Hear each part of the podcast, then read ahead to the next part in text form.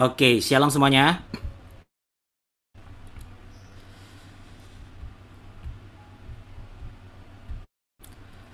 Senang sekali hari kita bisa berjumpa kembali ya.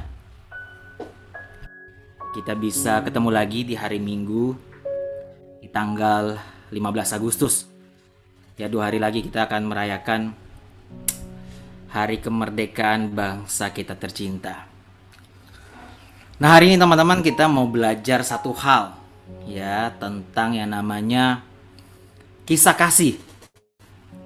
Ya, kisah kasih. Kenapa penting kita belajar tentang hal ini? Sebelumnya saya mau sampaikan ini ke kita semua pada sore hari ini.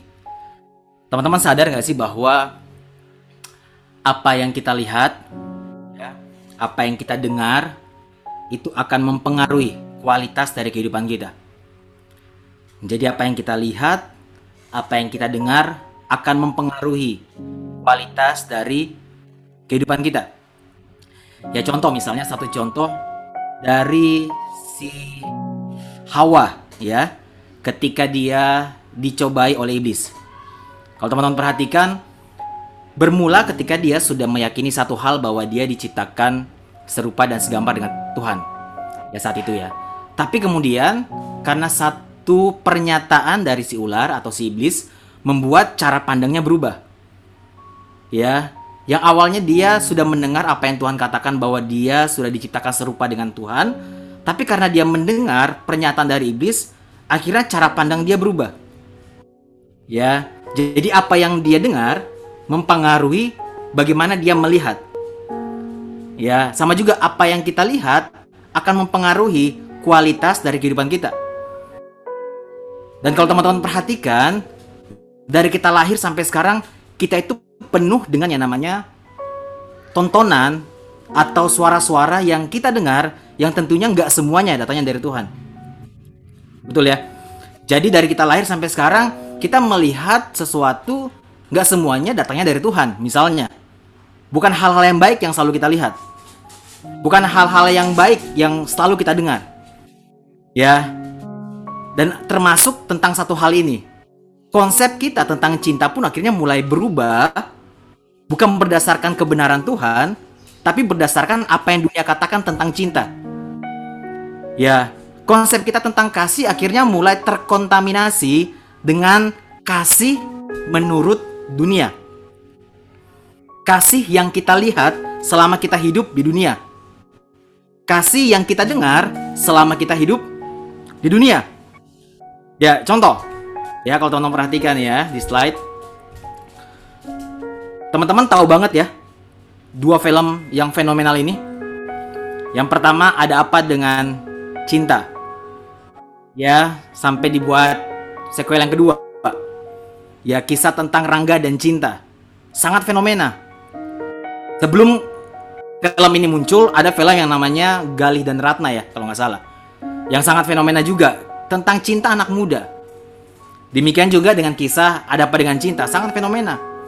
Ya kita akhirnya mulai punya pandangan bahwa kayaknya cinta itu kayak Rangga nggak sih? Ya ya bikin-bikin penasaran. Ya bikin penasaran. Rangga kan kayak cool-cool gitu ya cool-cool gimana gitu ya bikin penasaran.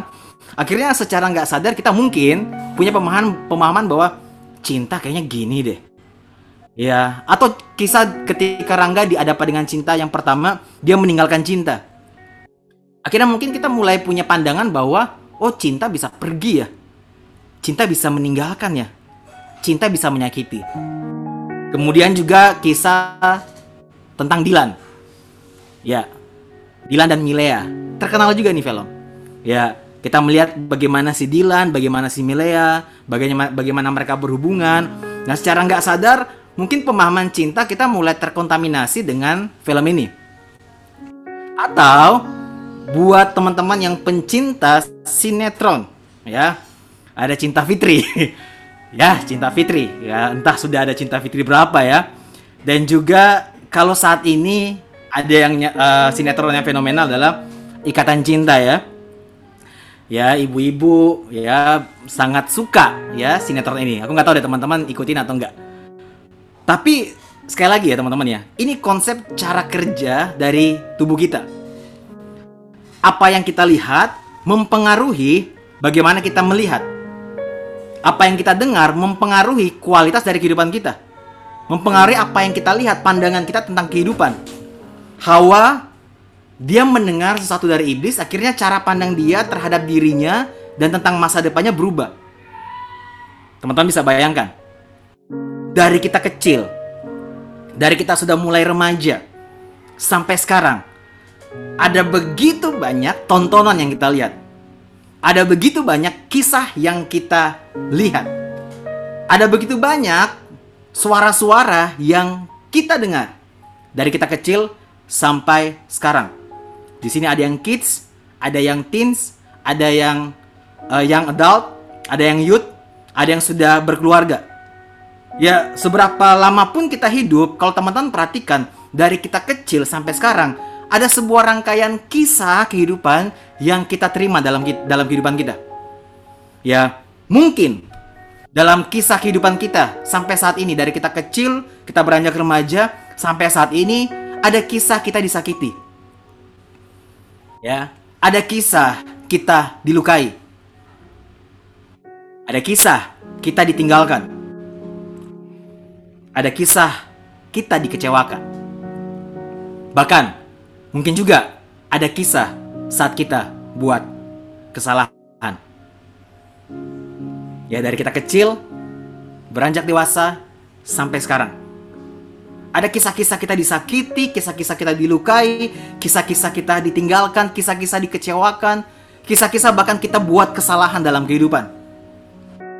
Yang membuat cara pandang kita tentang kehidupan kita berubah.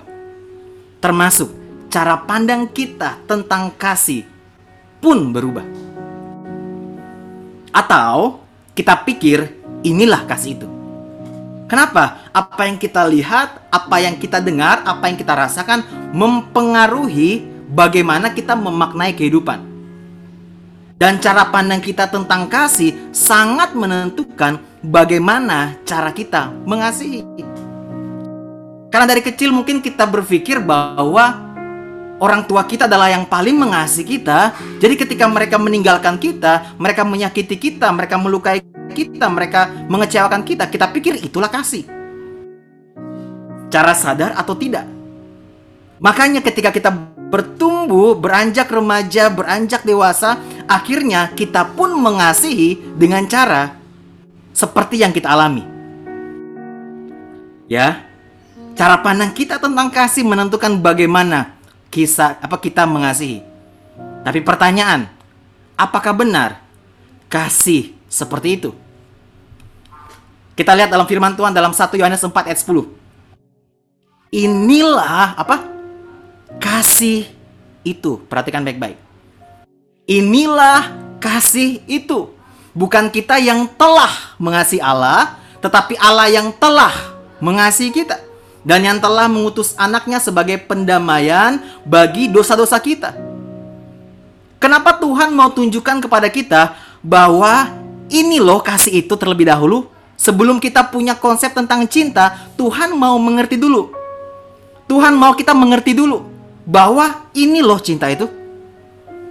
Supaya apa? Supaya kita mengasihi Tuhan bukan berdasarkan kasihnya dunia supaya kita bisa mengasihi Tuhan bukan dengan cara bagaimana dunia mengasihi. Tapi Tuhan tunjukkan terlebih dahulu. Ini loh kasih itu. Tuhan ingin tunjukkan kenapa? Supaya kita tidak mengasihi Tuhan dengan konsep dunia. Supaya kita tidak mengasihi sesama dengan cara dunia. Tapi mengasihi Tuhan dengan apa yang Tuhan tunjukkan kepada kita sebagai teladan dia tunjukkan kepada kita semua. Inilah kasih itu. Bukan kita yang telah mengasihi Allah, tetapi Allah yang telah mengasihi kita. Kasih yang seperti apa? Ketika disakiti, dia tetap pilih mengasihi. Ketika dibenci, dia tetap memilih mengasihi.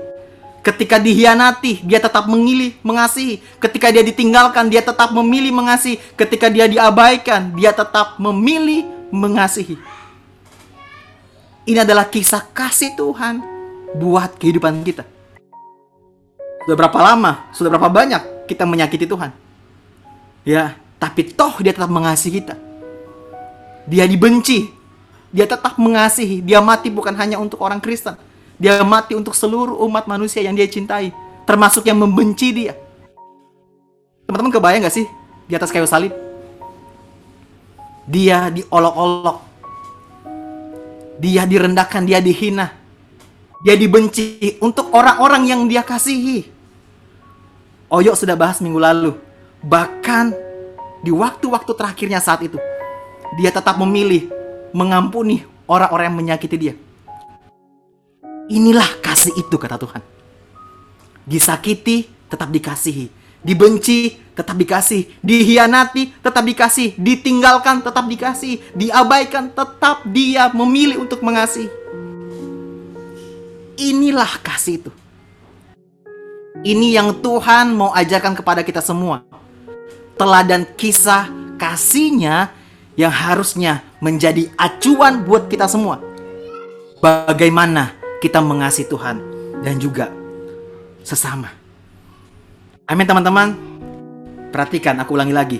Dari kita kecil beranjak dewasa sampai sekarang.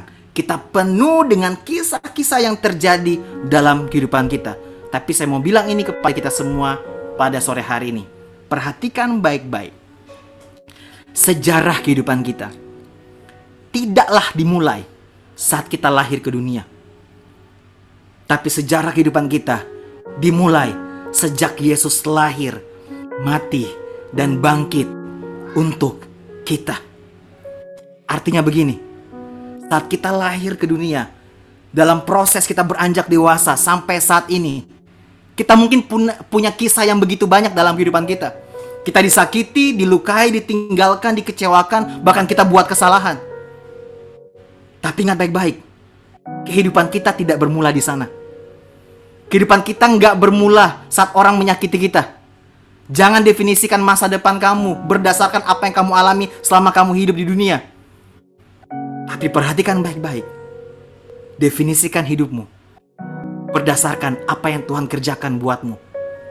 Jauh sebelum kamu disakiti, jauh sebelum kamu dilukai, jauh sebelum kamu ditinggalkan, jauh sebelum kamu dikecewakan, jauh sebelum kamu buat kesalahan, mundur jauh lebih jauh lagi bahwa ada satu pribadi sudah lahir dan mati dan bangkit buatmu.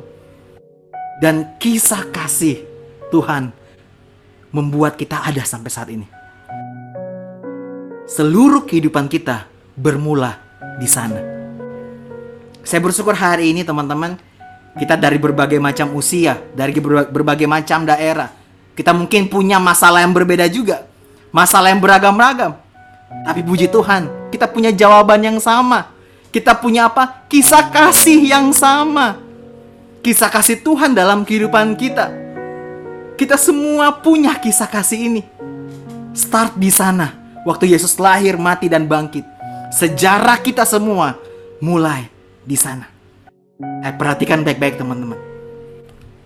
Jangan sampai kisah kasih Tuhan berhenti di diri kita sendiri. Jangan biarkan kisah kasih Tuhan berhenti di kamu. Kalau bahasa anak muda.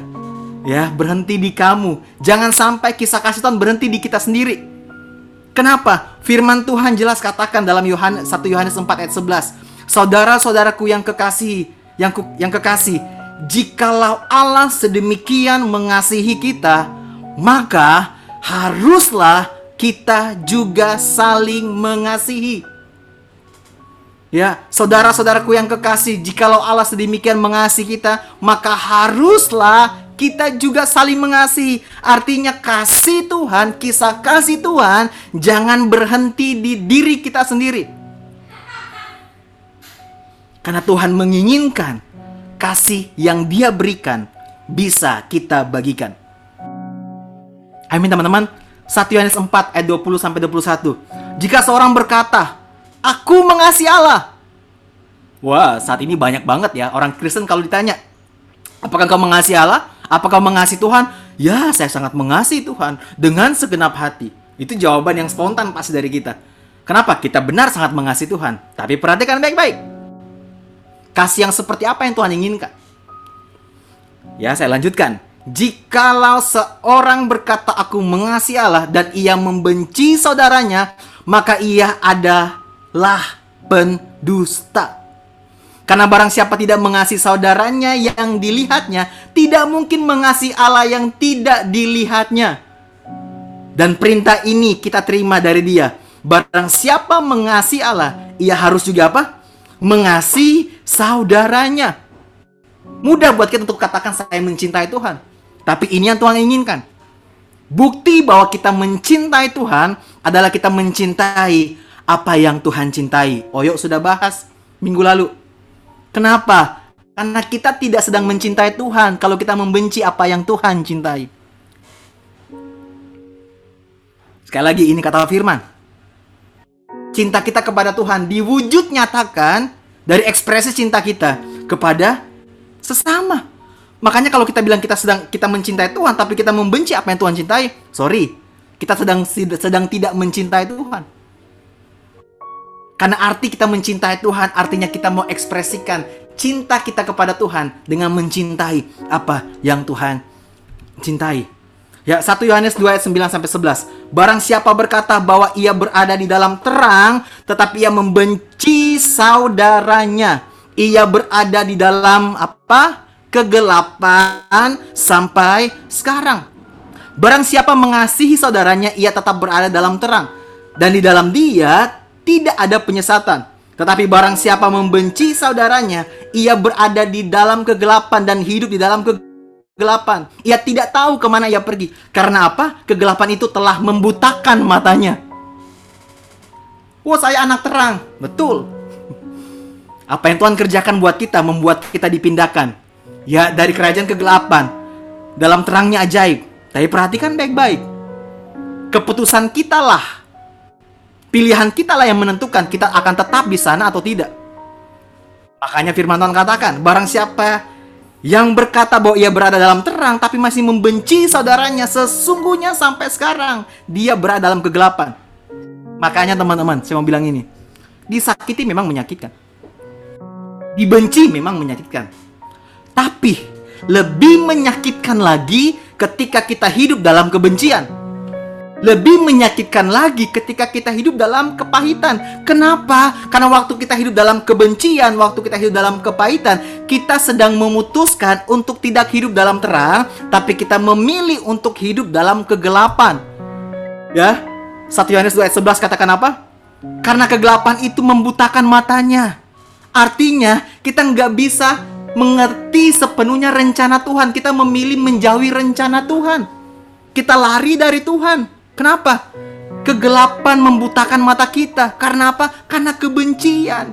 Karena kepahitan. Ya disakiti memang menyakitkan teman-teman. Nggak ada orang yang bilang disakiti dia suka. Dia happy. Wah, hobi saya adalah disakiti. Enggak lagi. Memang menyakitkan. Tapi perhatikan baik-baik. Lebih menyakitkan. Kalau kita memilih hidup dalam kebencian. Dan juga kepahitan. Ya, Roma 12 Ya, nanti kita baca ayat per ayat ini ya. Ayat yang ke-9, hendaklah kasih itu jangan pura-pura. Jauhilah yang jahat dan lakukanlah yang baik.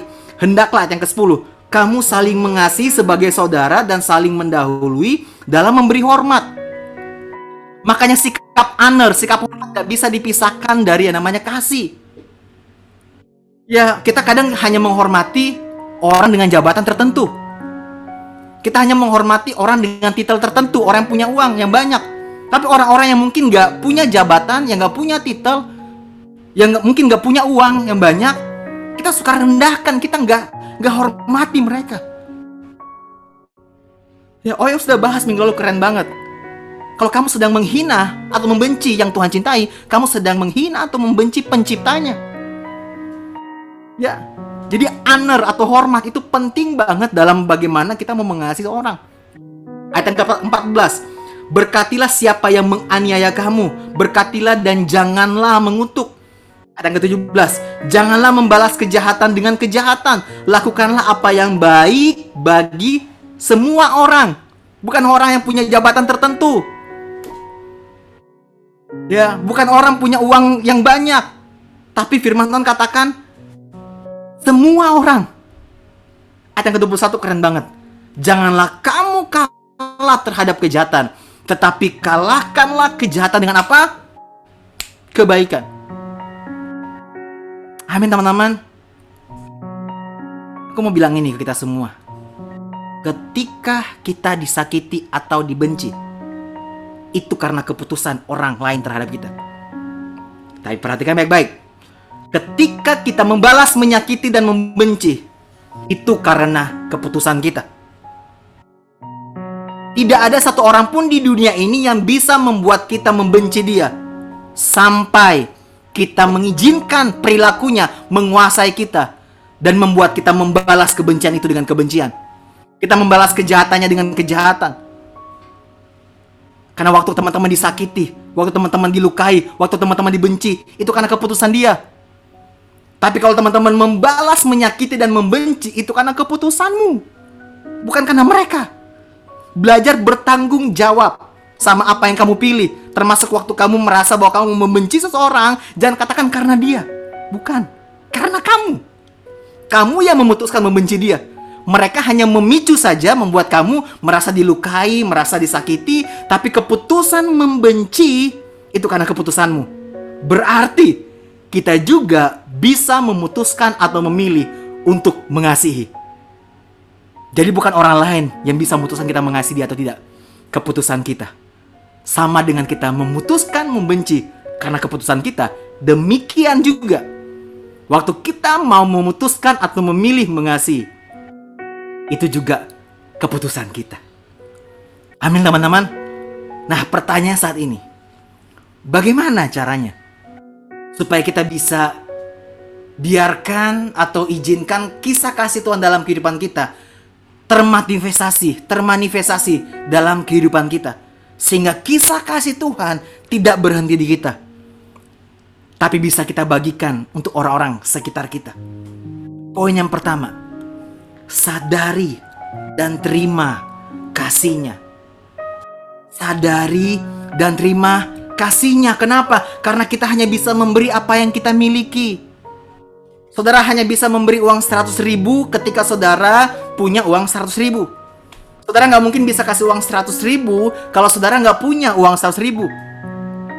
Karena kita hanya bisa memberi apa yang kita miliki.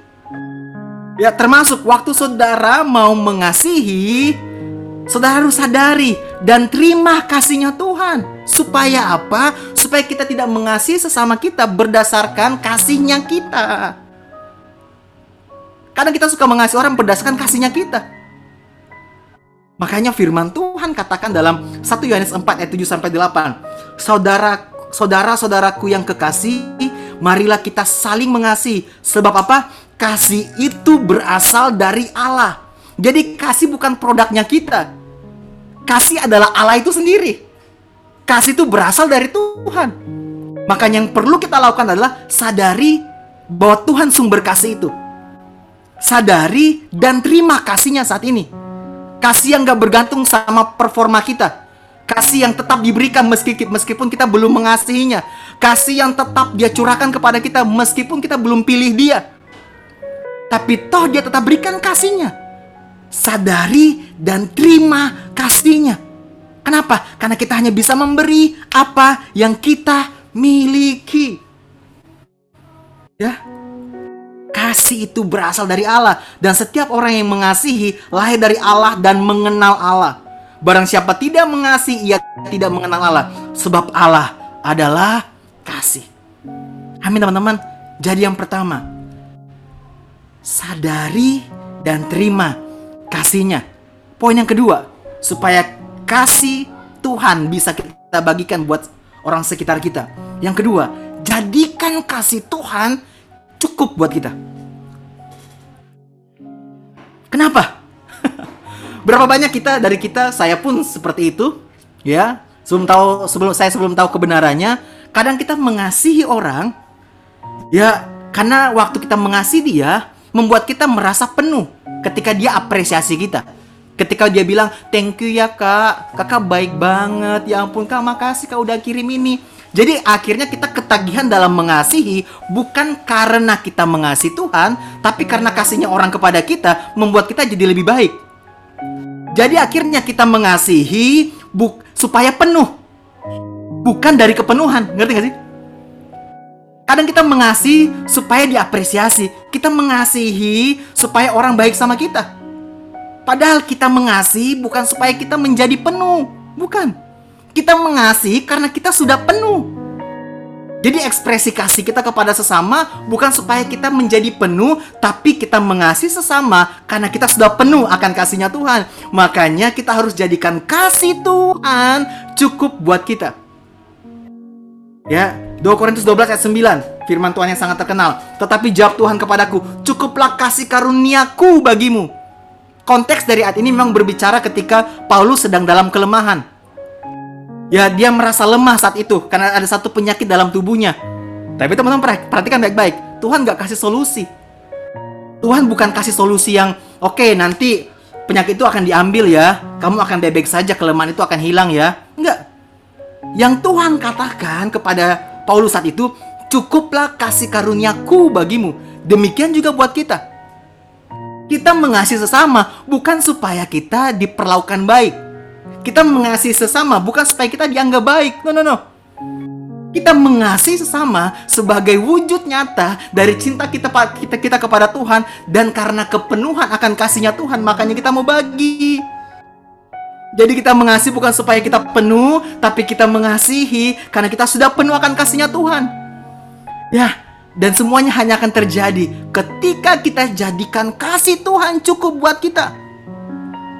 Jadi waktu kita mau berikan kasih kepada sesama kita, orang tua kita, orang yang menyakiti kita. Bukan supaya mereka menjadi baik sama kita, mereka akan perlakukan kita baik, mereka akan apresiasi kita. Bukan, bukan, bukan.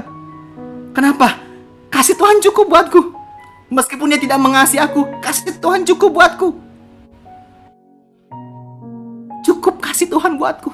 Meskipun orang gak mengasihi aku, cukup kasih Tuhan buatku. Aku memilih mengasihi papa, aku memilih mengasihi mama, mengasihi mantan aku, mengasihi keluargaku.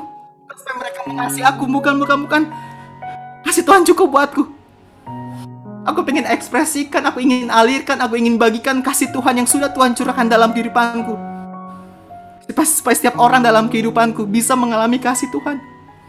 Bukan supaya aku bisa mendapatkan kasih mereka kembali Bukan supaya aku bisa dipenuhkan karena apresiasi mereka, perlakuan baik mereka, pandangan baik mereka. Bukan, bukan, bukan. Tapi karena aku sudah penuh akan kasihnya Tuhan. Makanya poin yang kedua teman-teman, jadikan kasih Tuhan cukup buat kita. Amin. Poin yang ketiga, kasihilah mereka bukan untuk mengubah.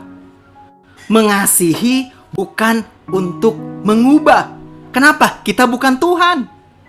Tuhanlah yang mengubah seseorang, bukan kita. Jadi tujuan dari mengasihi ya bukan supaya dia berubah. Tujuan dari mengasihi karena kita mau berubah dan mau berbuah. Berapa banyak dari kita stres dalam mengasihi? Kenapa? Kak, aku udah mengasihi tapi papa belum berubah. Aku sudah mengasihi tapi mama belum berubah. Aku mengasihi tapi kakakku belum berubah. Adik aku belum berubah. Kenapa fokusnya mengubah sih? Bukankah mengubah itu partnya Tuhan? Jangan jadi Tuhan saat kita mau mengasihi ciptaan Tuhan. Biarkanlah Tuhan menjadi Tuhan. Entah nanti bentuknya seperti apa, terserah Tuhan.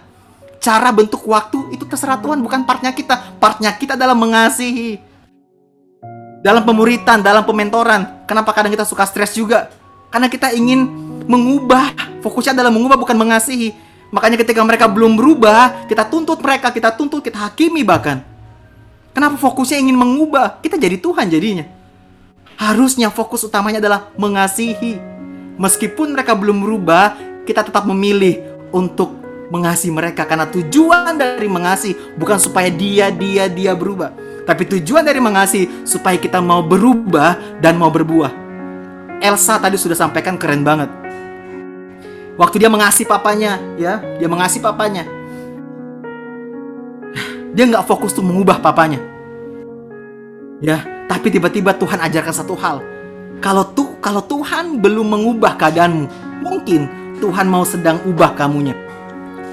Maka teman-teman, belajar untuk mengasihi bukan untuk mengubah. Kasihlah meskipun mereka belum berubah. Jadi kasih mereka bukan supaya mereka berubah. Kasihi meskipun mereka tidak berubah, saya tetap memutuskan untuk mengasihi mereka.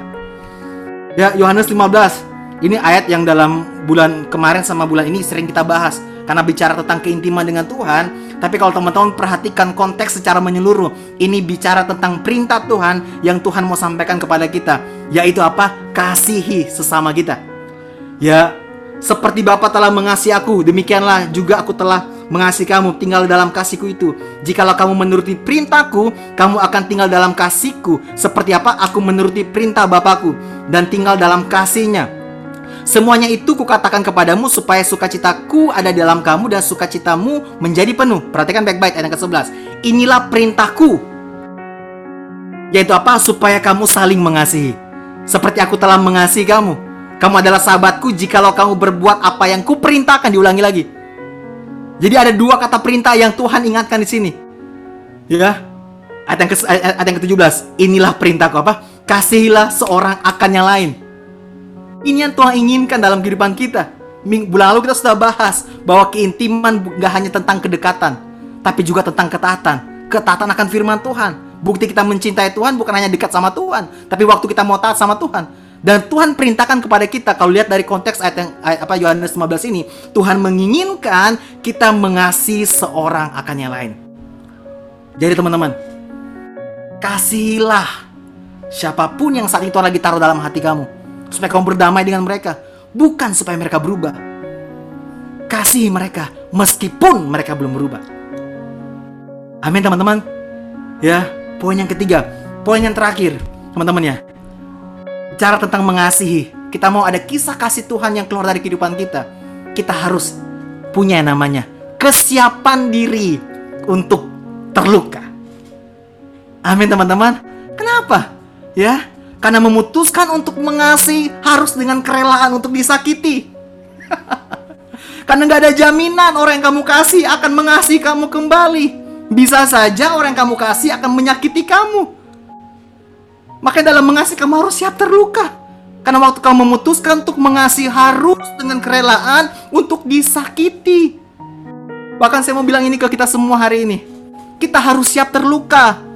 Kalau kita mau menjadi serupa dengan Kristus. Yesus mengasihi, dia disakiti. Dia dilukai, dia tinggalkan. Tapi dia setia sampai akhir. Dia tetap memutuskan mengasihi. Demikian juga dengan kehidupan kita. Saat kita memutuskan untuk mengasihi, harus dengan kerelaan untuk disakiti. Kenapa? Karena di luar kita, segala sesuatu yang di luar kita, di luar kendali kita. Kita nggak bisa kendalikan orang-orang di sekitar kita yang sudah kita kasih akan mengasihi kita kembali atau tidak. Tapi meskipun mereka nggak mengasihi kita atau meskipun mereka menyakiti kita, kita tetap akan memilih untuk mengasihi mereka. Amin. Yohanes 15 ayat 18 bilang begini, "Jikalau dunia membenci kamu." Ya, ini kalau teman-teman gali lagi dari ayat yang pertama, ya tentang pokok anggur yang benar, perintah tentang mengasihi, ya Tuhan mau sampaikan ini, waktu kamu mengasihi pun dunia mungkin akan membenci kamu, tapi ingatlah kata Tuhan, Meskipun kamu mengasihi dan kamu dibenci, ingatlah bahwa ia telah terlebih dahulu membenci aku daripadamu. Huh. Jadi waktu kamu disakiti, waktu kamu dibenci, sebenarnya mereka sedang benci penciptamu. Sedang sebenarnya mereka sedang sakiti penciptamu. Jadi Tuhan mau katakan waktu dunia membenci kamu karena kamu mengasihi mereka nggak apa-apa nak. Ingat, ingat kembali sejarah 2000 tahun yang lalu Aku terlebih dahulu dibenci mereka. Bahkan saat kamu disakiti, saat kamu dilukai, saat kamu ditinggalkan, mereka terlebih dahulu membenci aku, mereka terlebih dahulu menyakiti aku. Tetaplah mengasihi meskipun kamu disakiti. Amin teman-teman. Karena kita rindu kisah kasih Tuhan tidak berhenti di kita, tapi kisah kasih Tuhan bisa terpancar dalam kehidupan kita. Aku suka banget statement dari CS Lewis dia katakan begini, don't shine so that others can see you. Shine so that through you others can see him. Ya, Jangan bersinar supaya orang melihat kamu. Bersinarlah, menjadi teranglah supaya melalui kamu orang bisa lihat Tuhan. Kita mau mengasihi bukan supaya mereka melihat, wow, Pak Riko keren banget bisa mengasihi. No, no, no. Kita mau mengasihi supaya orang bisa melihat kasih Tuhan. Saya sengaja taruh gambar ini. 100 hari sudah kita lewati kepergian Pastor Radit. Kita bisa merasakan gak sih? Yang kita lihat bukan kasihnya. Kasih kasihnya Raditya Olowan. Tapi kasihnya Tuhan. Yang dia pancarkan. Ketika dia berhubungan dengan kita semua. Ya jangan bersinar, jangan menjadi terang supaya orang melihat kamu. Bersinarlah, menjadi teranglah supaya melalui kamu orang bisa melihat Tuhan dalam kehidupanmu. Supaya melalui kehidupan kita ada kisah kasih Tuhan yang terpancar dan orang bisa mengalami Tuhan. Amin teman-teman, saya akan tutup dengan ini. Ini firman Tuhan yang sangat terkenal, saya akan tutup dengan ayat-ayat ini. Sekalipun aku dapat berkata-kata dengan semua bahasa manusia dan bahasa malaikat, tetapi jika aku tidak mempunyai kasih, aku sama dengan gong yang berkumandang dan canang yang gemerincing. Sekalipun aku mempunyai karunia untuk bernubuat dan aku mengetahui bahwa segala rahasia dan bahwa dan aku mengetahui segala rahasia dan memiliki seluruh pengetahuan dan sekalipun aku memiliki iman yang sempurna untuk memindahkan gunung ini orang yang gokil semua. Tetapi jika aku tidak mempunyai kasih, aku sama sekali tidak berguna. Kenapa Paulus mau sampaikan ini kepada jemaat Korintus? Karena saat itu mereka sudah tanda kutip lagi nggak punya moral. Mereka mengedepankan yang namanya yang tadi ya kuasa. Relate nggak sih sama sama kehidupan kita saat saat ini? Kristen saat ini? Bukan berarti itu salah loh, bukan. Tapi mereka melakukannya tujuannya bukan karena mereka mencintai Tuhan ya punya masalah di moral. Dan Paulus ingatkan kembali kepada jemaat Korintus bahwa semuanya sia-sia. Kamu bisa bernubuat kamu bisa pindahkan gunung loh lakukan mujizat. Tapi kalau kamu nggak punya kasih sama sekali tidak berguna. Dan sekalipun aku membagi-bagikan segala sesuatu yang ada padaku ini orang baik hati. Bahkan menyerahkan tubuhku untuk dibakar. Tetapi jika aku tidak mempunyai kasih sedikit pun tidak ada faedahnya bagiku. Ayat yang ke-8 Kasih tidak berkesudahan, nubuat akan berakhir, bahasa roh akan berhenti, pengetahuan akan lenyap. Banyak orang gara-gara sudah tahu banyak jadi sombong, merendahkan orang lain, menghakimi orang lain. Kenapa? Karena pengetahuannya banyak tentang Tuhan. Tapi mereka sakiti ciptaan Tuhan. Diingatkan kembali bahwa semuanya sia-sia tanpa kasih. Sebab pengetahuan kita tidak lengkap dan nubuat kita tidak sempurna. Tetapi jika yang sempurna tiba, maka yang tidak sempurna itu akan lenyap. Ketika aku kanak-kanak, perhatikan baik-baik, aku berkata-kata seperti kanak-kanak, aku merasa seperti kanak-kanak, aku berpikir seperti kanak-kanak, sekarang sesudah aku menjadi dewasa, aku meninggalkan sifat kanak-kanak itu. Apa sifat kanak-kanak itu? Mendewakan perasaan. Tidak mengizinkan kebenaran yang berkuasa atas perasaannya Pastor Ferry Velani pernah bilang, kalau kamu mau didewasakan Tuhan, jangan dewakan perasaan. Tapi kan sakit kak, aku lagi betul itu sakit buat kamu. Saya ngerti itu semua kamu terluka. Tapi apa kebenaran yang kak sampaikan kepada kamu? Jangan sampai kita mendewakan perasaan kita. Anak kecil kan kayak gitu ya. Mendewakan perasaan ya. Ya menuhankan perasaan. Tapi mereka lupa hidup dalam kebenaran. Ya firman Tuhan katakan, sekarang sesudah aku menjadi dewasa, aku meninggalkan sifat kanak-kanak itu. Sifat-sifat yang gak mengampuni, sifat-sifat yang pengen pamer, sifat-sifat yang yang hanya mau terlihat. Ya, sifat-sifat yang ingin dilihat, bukan ingin dia lihat. Sifat-sifat yang tidak mengedepan kasih sebagai dasar dari dia melakukan sesuatu. Ya, itu sifat-sifat kanak-kanak yang firman Tuhan katakan, kita harus segera meninggalkannya Ya, supaya kita mau didewasakan Tuhan, supaya kita menjadi dewasa dalam Tuhan. 1 Korintus 13 ayat 13. Demikianlah tinggal ketiga hal ini, yaitu iman, pengharapan dan kasih. Dan yang paling besar di antaranya ialah kasih. Saya berdoa buat kita semua hari ini, teman-teman. Kita menyadari akan kisah kasih Tuhan dalam kehidupan kita. Harusnya membuat kita sadar bahwa kita ingin bagikan kisah kasih Tuhan buat orang-orang di sekitar kita. Ya, mungkin waktu kamu bagikan kisah kasih Tuhan, kamu ingin bagikan kasih kepada sesama kamu, kamu akan dilukai, kamu akan disakiti, kamu akan dibenci. Saya cuma mau bilang ke kita semua pada hari ini, itu jatah kehidupan. Sebenar apa pun kamu hidup, pasti akan ada orang yang menilai kamu salah. Yesus sempurna banget ya hidupannya ya. Orang nilai dia salah, perlakukan salah, sama juga dengan kita mengikuti dia. Sebenarnya apa pun kita hidup, gak ada jaminan bahwa kita akan diperlakukan benar terus. Ya pasti ada orang yang apa, memperlakukan kita salah, tapi meskipun demikian, kita mau dimurnikan dengan proses dalam hubungan yang seperti ini. Kita mau, di, mau dimurnikan, kita siap terluka karena kita mau menjadi serupa. Amin teman-teman. Teman-teman siap menyalurkan kisah kasih Tuhan dalam kehidupan kita? Amin. Ya, yang pertama aku ulangi lagi, sadari dan terima kasihnya. Yang kedua, jadikan kasih Tuhan cukup buat kita. Yang ketiga, mengasihi bukan untuk mengubah. Yang terakhir, siap untuk terluka. Amin teman-teman. Saya berdoa dari kita semua yang menonton di YouTube dan juga di Zoom pada sore hari ini.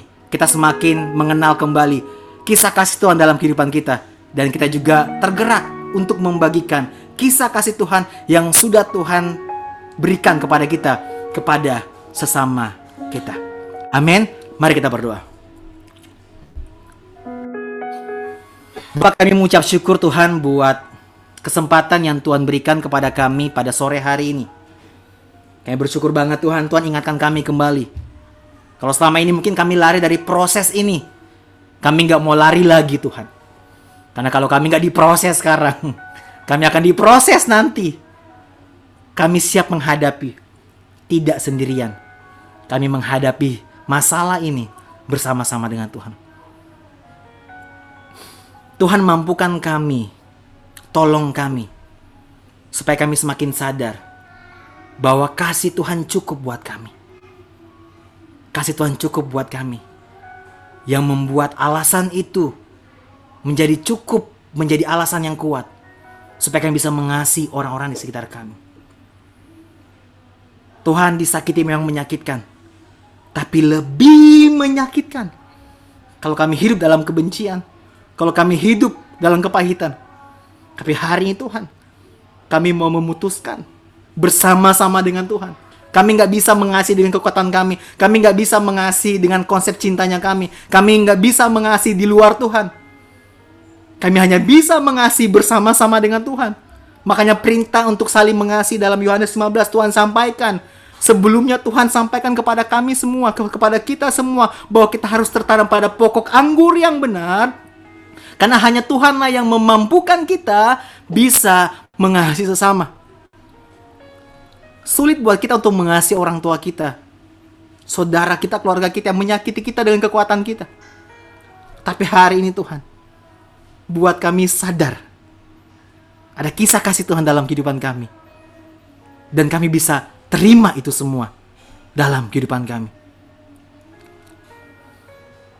Teman-teman ambil waktumu secara pribadi dua menit ke depan untuk mengambil waktu untuk sadar dan terima kasih Tuhan dalam kehidupanmu. Dan jadikan kisah kasih Tuhan ini cukup buatmu. Untuk membuat kamu mau buat keputusan hari ini. Membuat pilihan hari ini. Untuk mengasihi orang yang selama ini kamu benci mungkin. Orang yang selama ini menyakiti kamu. Ambil waktu ke depan teman-teman. Saya Kasih waktu dua menit ke depan. Teman-teman mengambil waktu untuk sadari dan terima kasihnya Tuhan. Dan bilang sama Tuhan, Tuhan ini cukup buatku, kasihmu cukup buatku. Dan setelah itu teman-teman ambil keputusan untuk mengampuni orang yang menyakiti kamu. Bukan hanya mengampuni orangnya, tapi juga mengampuni tindakannya. Ambil keputusanmu saat ini. Karena apa yang kamu pilih saat ini, apa yang kamu putuskan saat ini, akan mempengaruhi apa yang akan terjadi nanti. Silakan teman-teman ambil waktumu.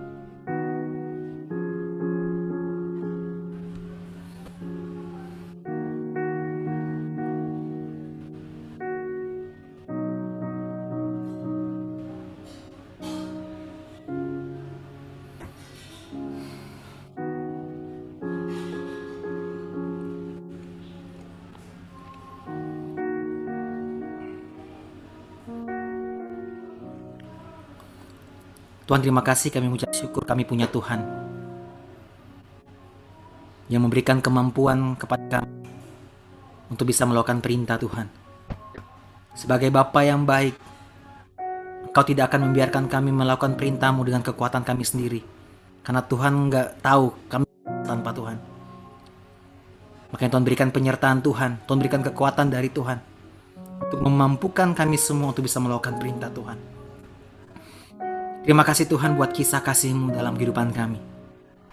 Itu cukup buat kami untuk buat putusan setiap hari untuk mengasihi apa yang Tuhan kasihi. Sadari kami setiap hari Tuhan akan kasih-Mu dalam kehidupan kami. Dan kami bisa terima kasih-Mu itu. Dan kami mau katakan, kasih Tuhan cukup buatku. Kasih Tuhan cukup buatku. Bukan perubahan orang yang kami kasih yang membuat kami menjadi cukup, merasa cukup. Meskipun mereka nggak berubah, kami jadikan kasih-Mu cukup buatku. Terima kasih Tuhan buat firman-Mu hari ini. Mampukan kami terus. Tolong kami terus Tuhan supaya kami bisa diproses, dimurnikan. Melalui hubungan kami dengan sesama kami. Bahkan dengan orang-orang terdekat kami. Papa kami, mama kami, kakak kami, adik kami. Keluarga kami, saudara kami, siapa pun di sekeliling kami Tuhan. Tuhan izinkan proses dalam kehidupan kami terjadi. Kami terluka supaya kami menjadi serupa. Waktu kami katakan Tuhan ajar kami mengasihi. Tuhan bukan berikan kemampuan untuk mengasihi, tapi Tuhan berikan masalah buat kami. Orang yang menyakiti kami, orang yang membenci kami, tujuannya cuma satu, supaya kami bisa datang sama Tuhan. Akhirnya kami bisa belajar bersama-sama dengan Tuhan. Untuk bisa kami bisa mengasihi orang-orang yang menyakiti kami. Makasih Tuhan. Kejadian-kejadian dalam kehidupan kami yang buat kami terluka, disakiti, dikecewakan. Ini buat kami sadar kami mau terus hidup dengan Tuhan, bersama-sama dengan Tuhan karena tanpa Tuhan kami nggak bisa melakukan apa-apa. Tanpa Tuhan kami nggak bisa mengasihi. Kami butuh Tuhan. Dan kami siap terluka Tuhan. Kalau kami mau serupa. Jaminan Tuhan esok hari, minggu depan, setahun ke depan, dan seterusnya. Waktu kami hidup benar, orang akan selalu menganggap kami benar. Gak ada jaminan Tuhan. Kami belajar dari kehidupanmu, Yesus. Engkau hidup benar, engkau hidup sempurna. Tapi orang meninggalkanmu, mengecewakanmu, menyakitimu. Tapi toh, engkau setia sampai di kayu salib untuk mengasihi orang-orang yang membenci dan menyakitimu. Terima kasih Tuhan ajar kami. Bukan sekedar fokus untuk mau terlihat benar, tapi kami fokus untuk hidup dalam kebenaran. Orang gak anggap kami benar, meskipun orang menilai kami salah, meskipun kami dilukai, meskipun kami disakiti. Kami mau terus belajar hidup dalam kebenaranmu Tuhan. Materaikan setiap kebenaran firman Tuhan yang sudah kami dengar pada sore kami bersyukur Tuhan tegur kami kami bersyukur Tuhan kami. Kami syukur juga Tuhan, kami bersyukur juga Tuhan mampukan kami dan untuk bisa mengasihi orang-orang yang ada di sekitar kami. Terima kasih Tuhan, dalam nama Tuhan Yesus kami sudah berdoa dan mengucap syukur kepadamu.